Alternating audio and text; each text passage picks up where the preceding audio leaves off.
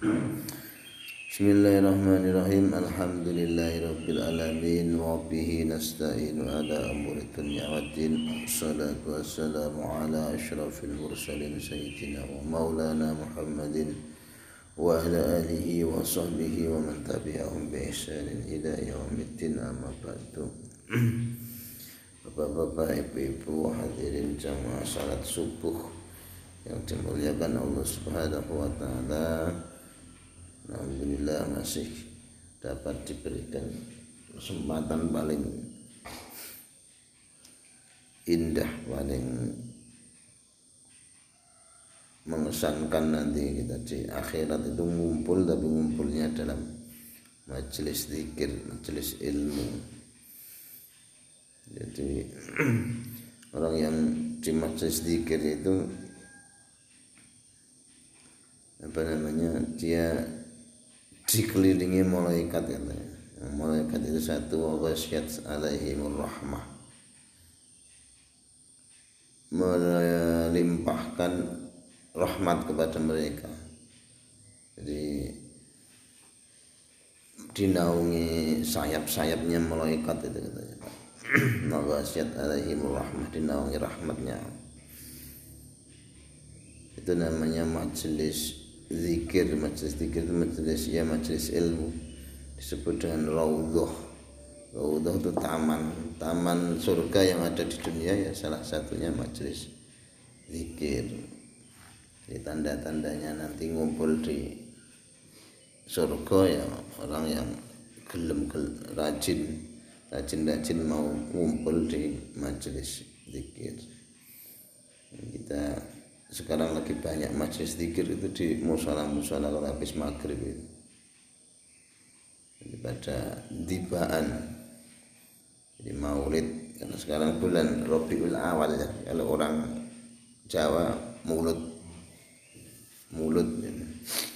Nah, bulan mulut ini bulan lebarannya orang Madura pak. Orang Madura itu toron alias mudik itu ya. Bulan ini besar-besaran mereka jadi kalau ke Surabaya sepi ya karena mereka pada mudik. Coba cek di internet kalau nggak percaya. Saya 14 tahun di Surabaya.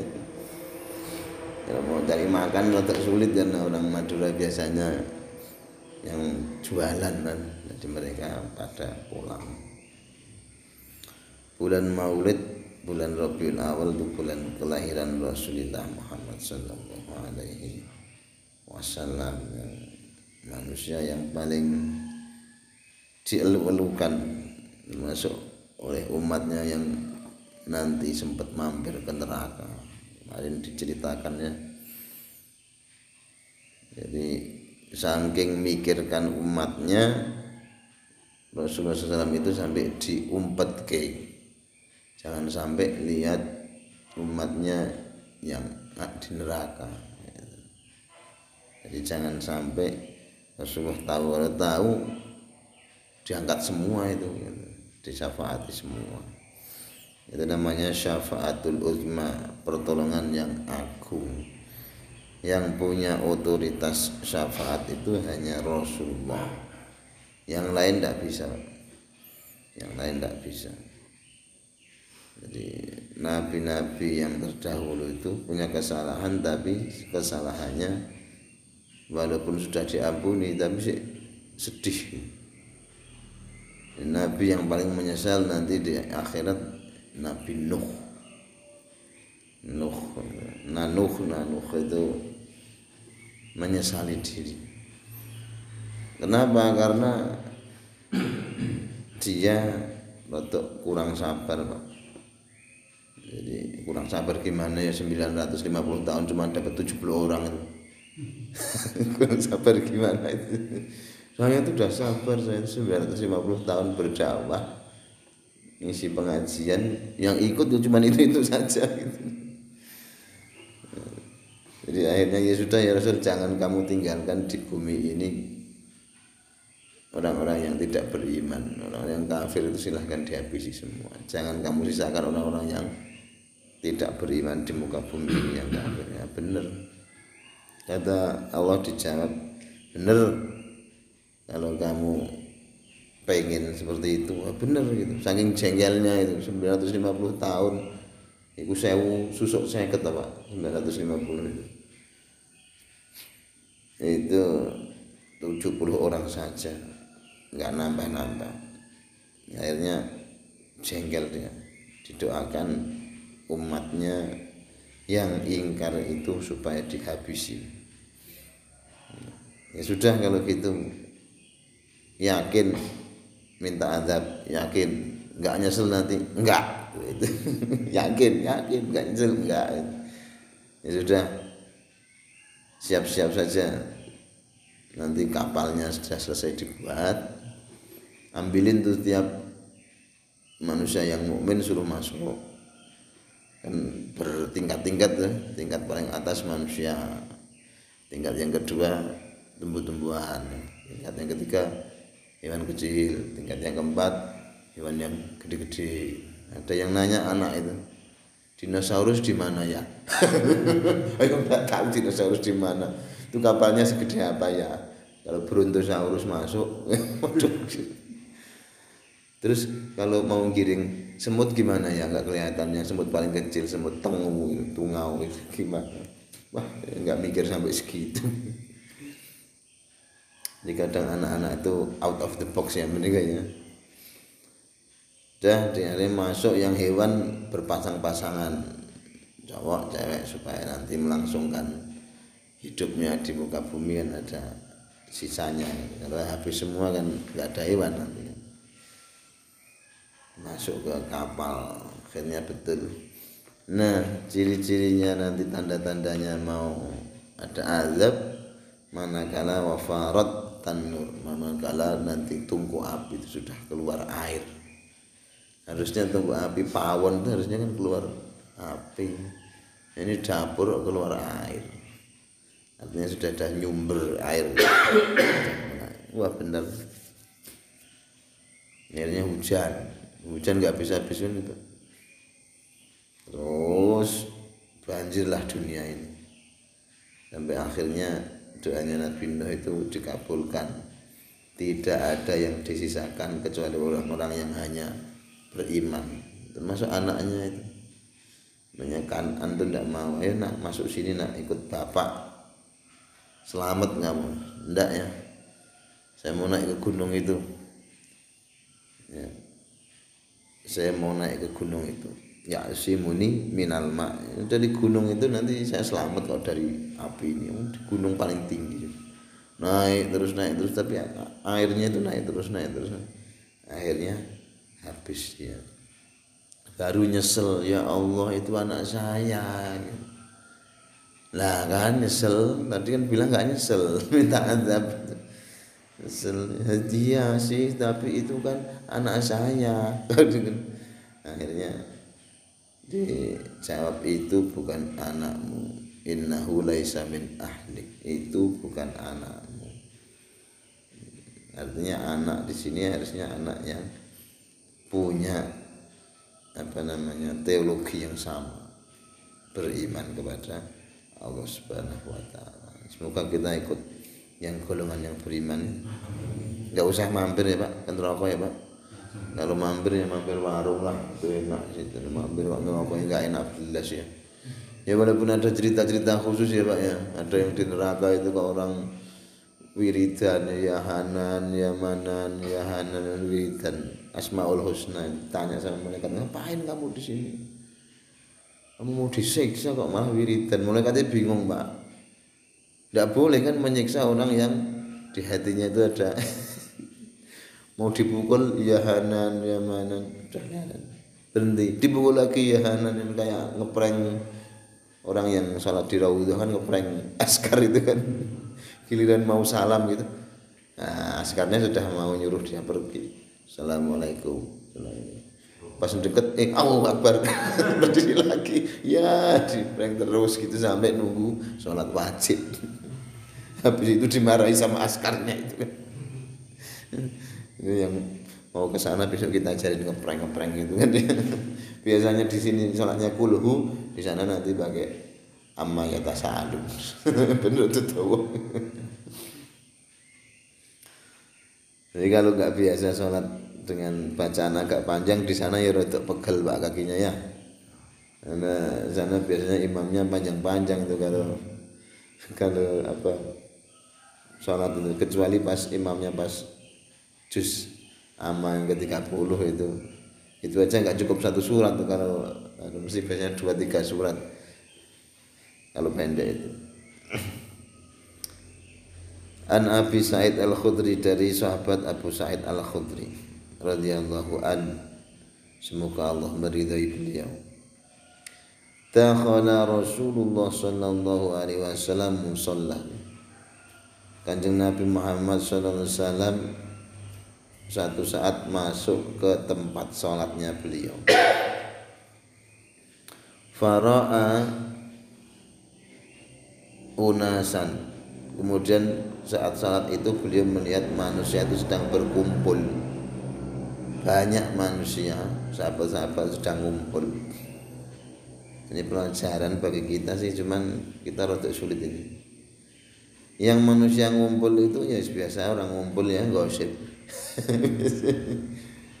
Yukasirunal kalama yang mereka banyak-banyak ngobrol gosip, ngobrol ngalor ngidul. Ngumpul ya entah ngumpul di sin apa di fisik entah ngumpul di WA entah ngumpul di grup Facebook Facebook ini nanti akhirnya jadi ngobrol gosip Faqala kemudian Rasulullah dawuh ama innakum law aktsartum dzikra hadhimil ladzati la saghalakum amma ara.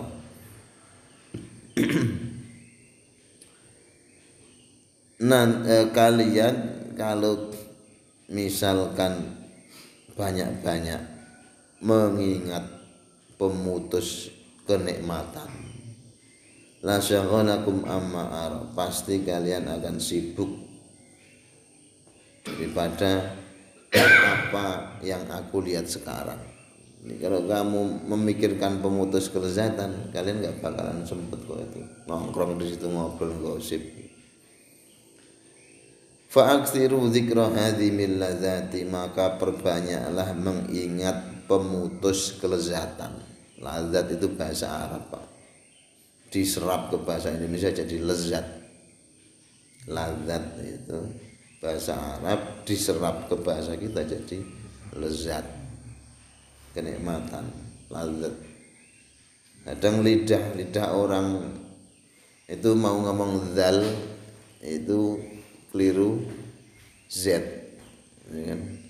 Lazat lezat. Kalau gitu.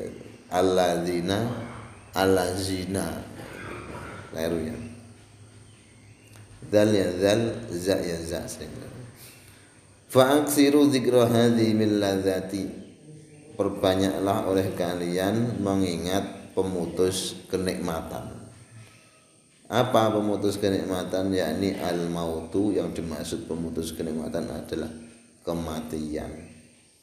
Ya umumnya sih orang yang mati itu yang sepuh-sepuh dulu ya Pak. Tapi kan nggak mesti ya. Itu kelapa itu yang jatuh bisa yang muda dulu ya Pak ya. Bisa yang tua keri bisa juga.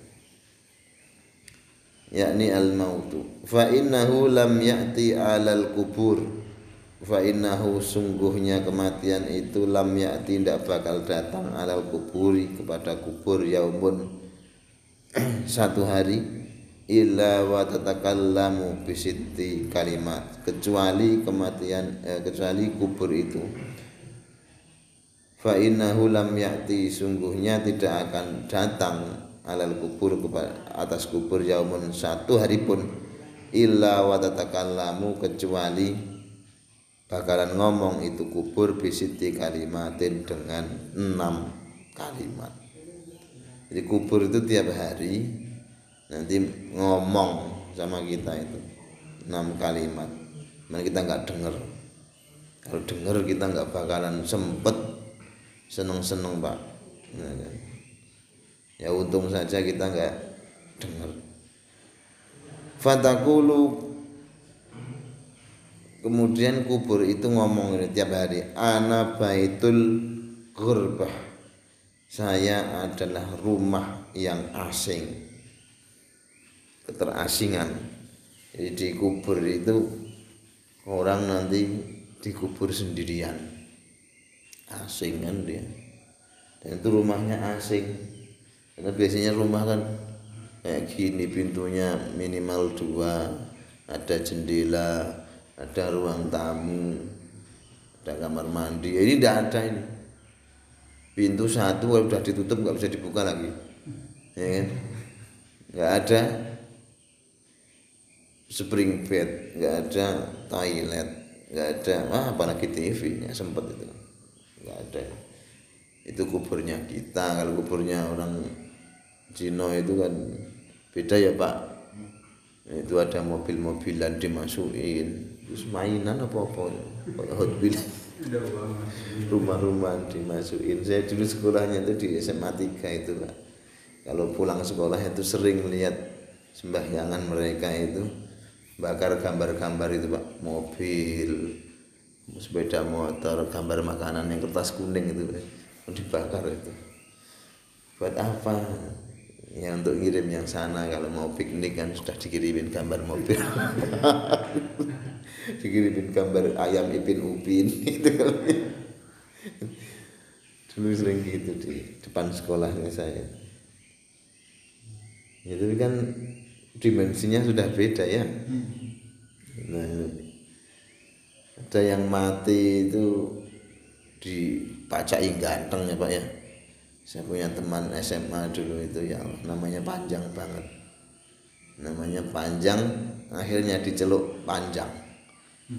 Henry Frederick Pastora Christian Atmo Wijoyo saya hafal. Henry Frederick Pastora eh Christian Pastora Atmowijoy meninggal Pak usia kelas 3 SMA awal-awal itu. Sepeda motor. Kita ke sana oh ternyata dandane melatet ya Pak ya. Jadi pakai jas pakai dasi ya, sepatu. Pinggirnya katanya ada mainannya dan wah.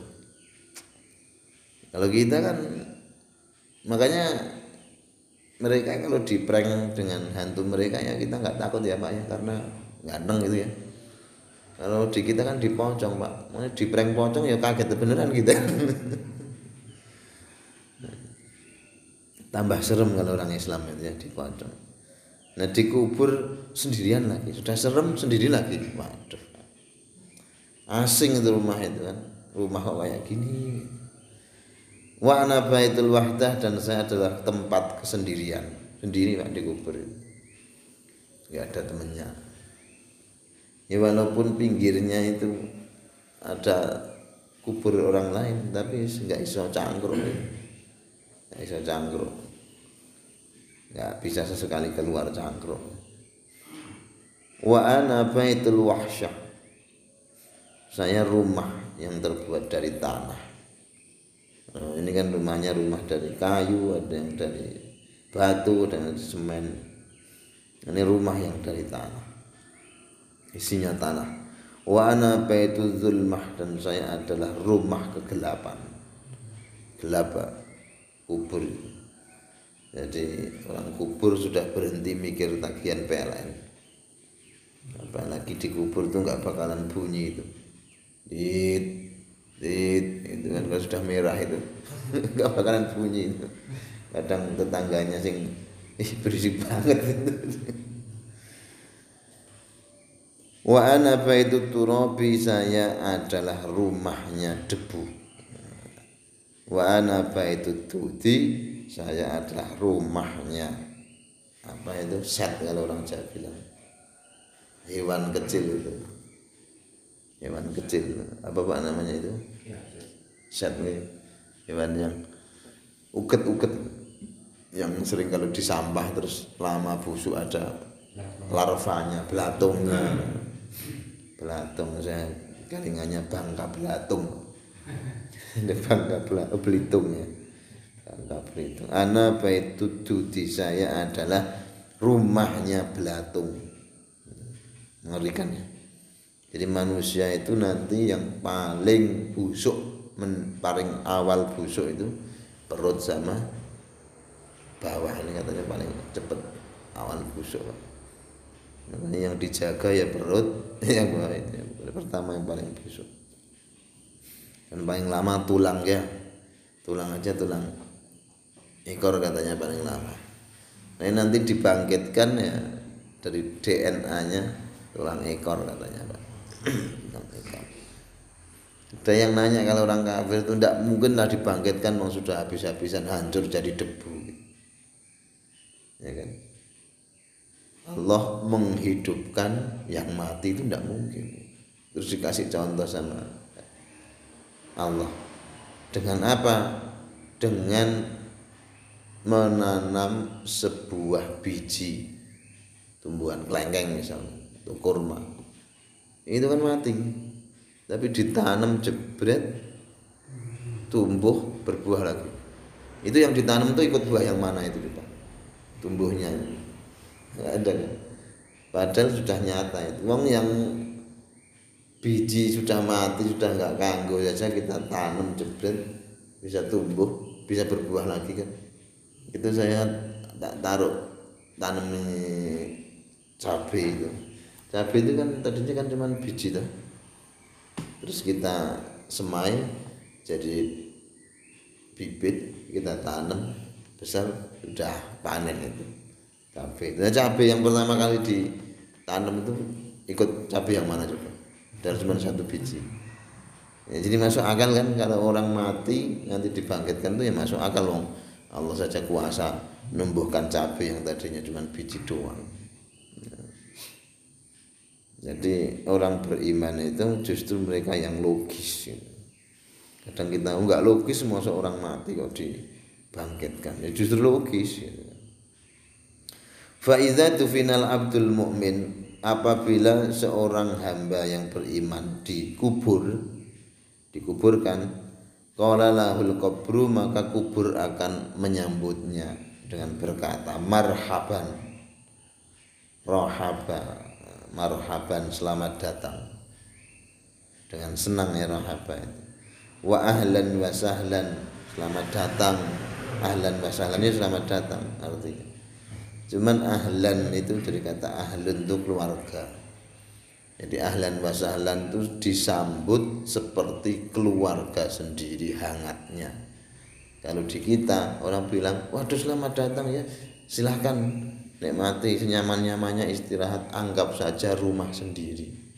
Kalau saya ada orang yang gitu, anggap saja rumah sendiri, tak minta SHM-nya Pak. tak balik nama kan anggap saja rumah sendiri itu. Tak balik nama itu. Anggap saja rumah sendiri. Kita itu suka bahasa basi ya kan? Anggap saja rumah sendiri ya. padahal kalau dianggap rumah sendiri ya marah juga. Benar itu yang punya itu. Mana SM-nya pak?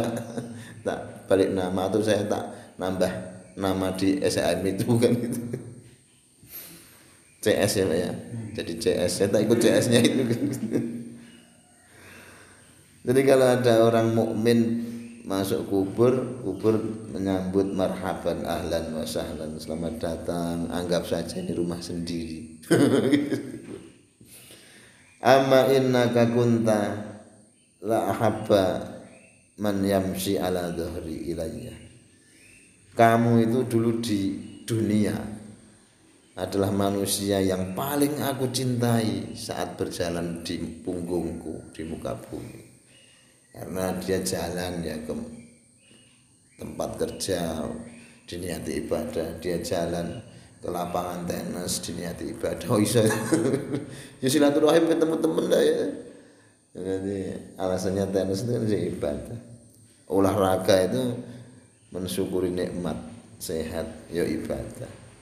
Ngumpul dia jalan ke masjid ibadah. Setiap langkahnya diangkat derajat diampuni dosanya. Ibadah. Jadi bumi itu senang banget. Jadi bumi itu paling sedih kalau tidak ada yang beribadah di punggungnya. Nah, bumi yang paling senang itu ya Indonesia ini. Mayoritas Islam kan itu bumi yang paling bahagia. Dan nanti dia membanggakan diri di atas bumi-bumi yang lain yang banyak orang bermaksiat. Di luar negeri yang banyak non muslimnya kan sedih kan? Makanya kadang ya ini sisi baiknya orang mutasi ke luar daerah yang banyak non muslimnya ya di sana nambah nambah semangat bumi. Untuk wah paling tidak saya dulu pernah dibuat sujud orang ini. gitu. Bisa membanggakan ke bumi yang lain. Tapi saya di sini saja. Orang lain saja yang mau betul-betul saya sudah percaya Indonesia itu luas. Dari peta sudah percaya. Nggak usah di SK kan. Nah, itu bumi akan menyambutnya. Engkau adalah orang yang paling aku cinta dulu di muka bumi di punggungku. Ketika berjalan pasti dalam kebaikan. Saya paling cinta itu. Dibanggakan kita kalau orangnya orang mukmin. Fa idza kal yaum wasirta ilayya fasataro sun ibik. Nah sekarang kamu sudah dalam pangkuanku sudah dalam ampuanku orang mukmin.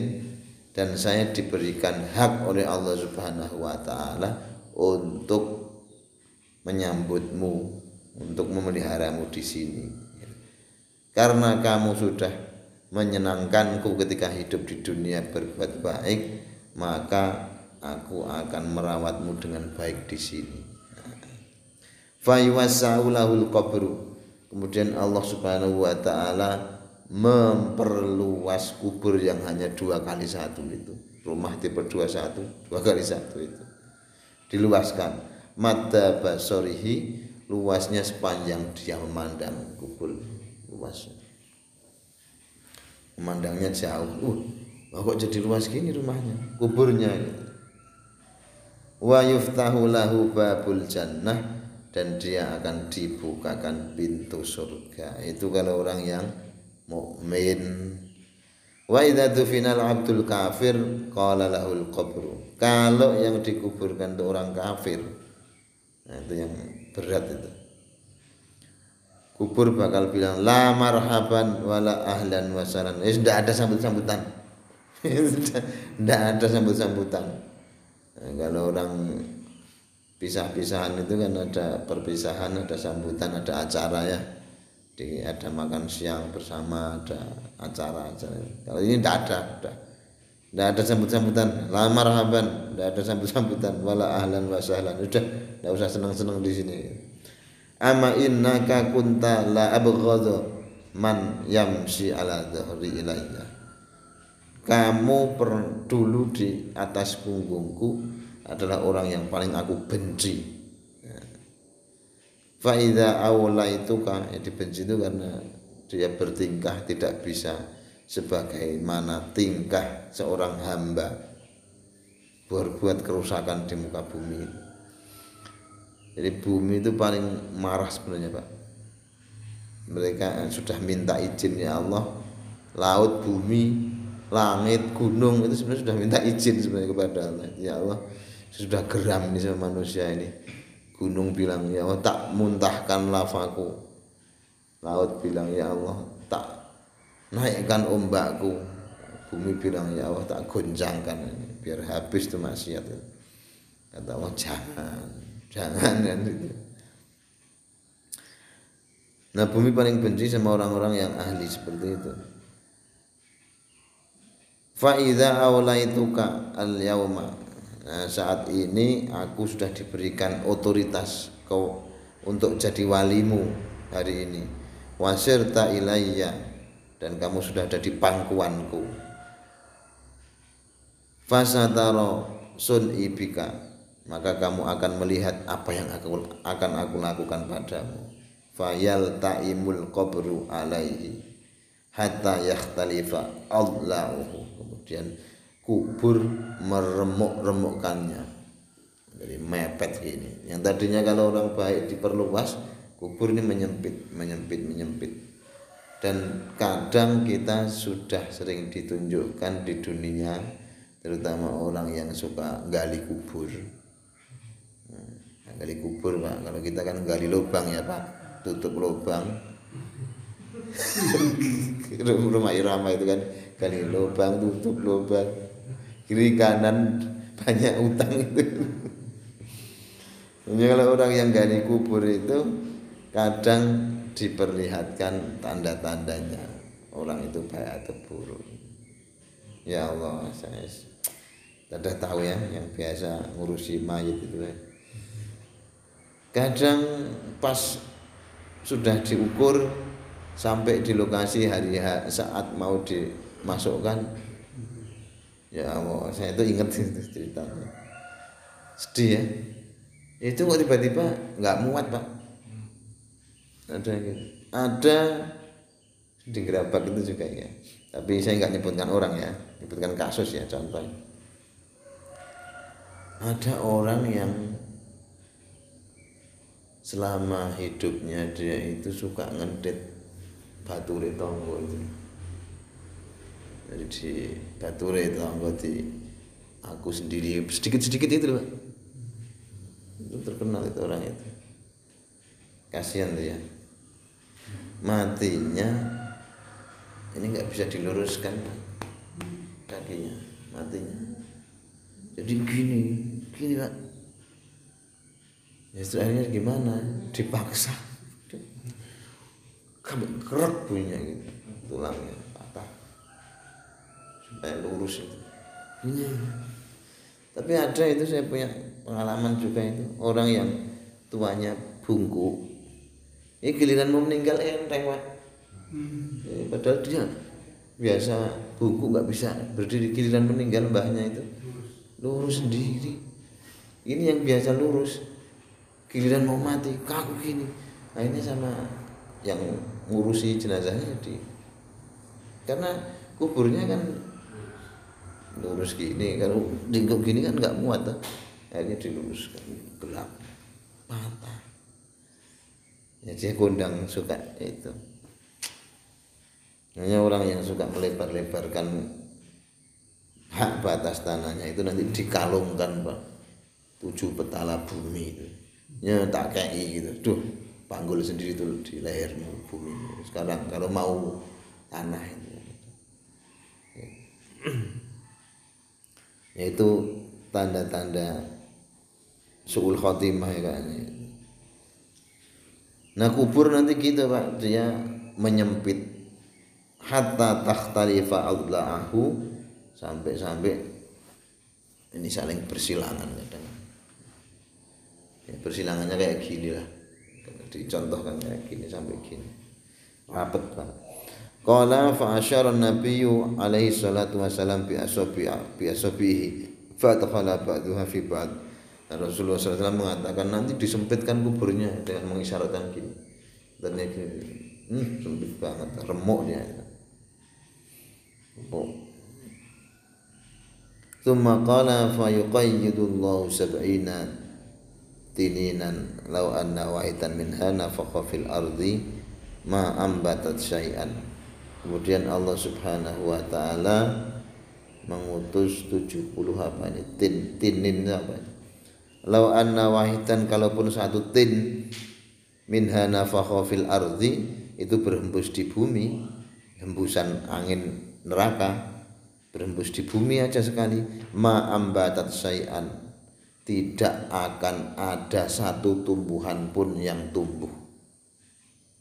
Padahal dia sudah disiapkan 70 tungku siksaan. Nah kalau satu saja sekali hembusan di bumi tunggunya neraka itu habis semua pak. Tidak ada tumbuhan yang mau tumbuh karena saking panasnya itu. Ma ambatat saya ma bagiati dunia. Selama dunia itu masih ada terus tum, apa hembusan tungkunya neraka itu bocor habis tidak ada yang tersisa tumbuhan di bumi ini. Wa yahtasuhu hatta yufdhu bihi ilal hisab. Demikian akan terjadi terus sampai dia menghadap Allah untuk dihisap. Jadi kita semoga selamat semuanya. Kalau Rasulullah SAW innamal qabru raudhatun. Rasulullah dawuh sungguhnya kubur itu menjadi taman yang indah min riyadil jannah dari sekian tamannya surga. Bagi orang yang beriman, wow khufratun atau menjadi liang, lubang mengerikan. Ini kan habis G30S kemarin tuh, lubangnya mengerikan itu. Bisa menjadi lubang yang mengerikan min khufarin niron niron dari sekian jurangnya neraka bagi orang yang tidak beriman. Semoga kita masuk orang yang beriman dan mendapatkan taman dari tamannya surga minimal saya sudah dapat taman satu ini bu ya dalam sholat dosi Walhamdulillahirrahmanirrahim Subhanaka wa bihamdika Asyadu an la ilaha illa anta astaghfiruka wa atubu ilaik. Assalamualaikum warahmatullahi wabarakatuh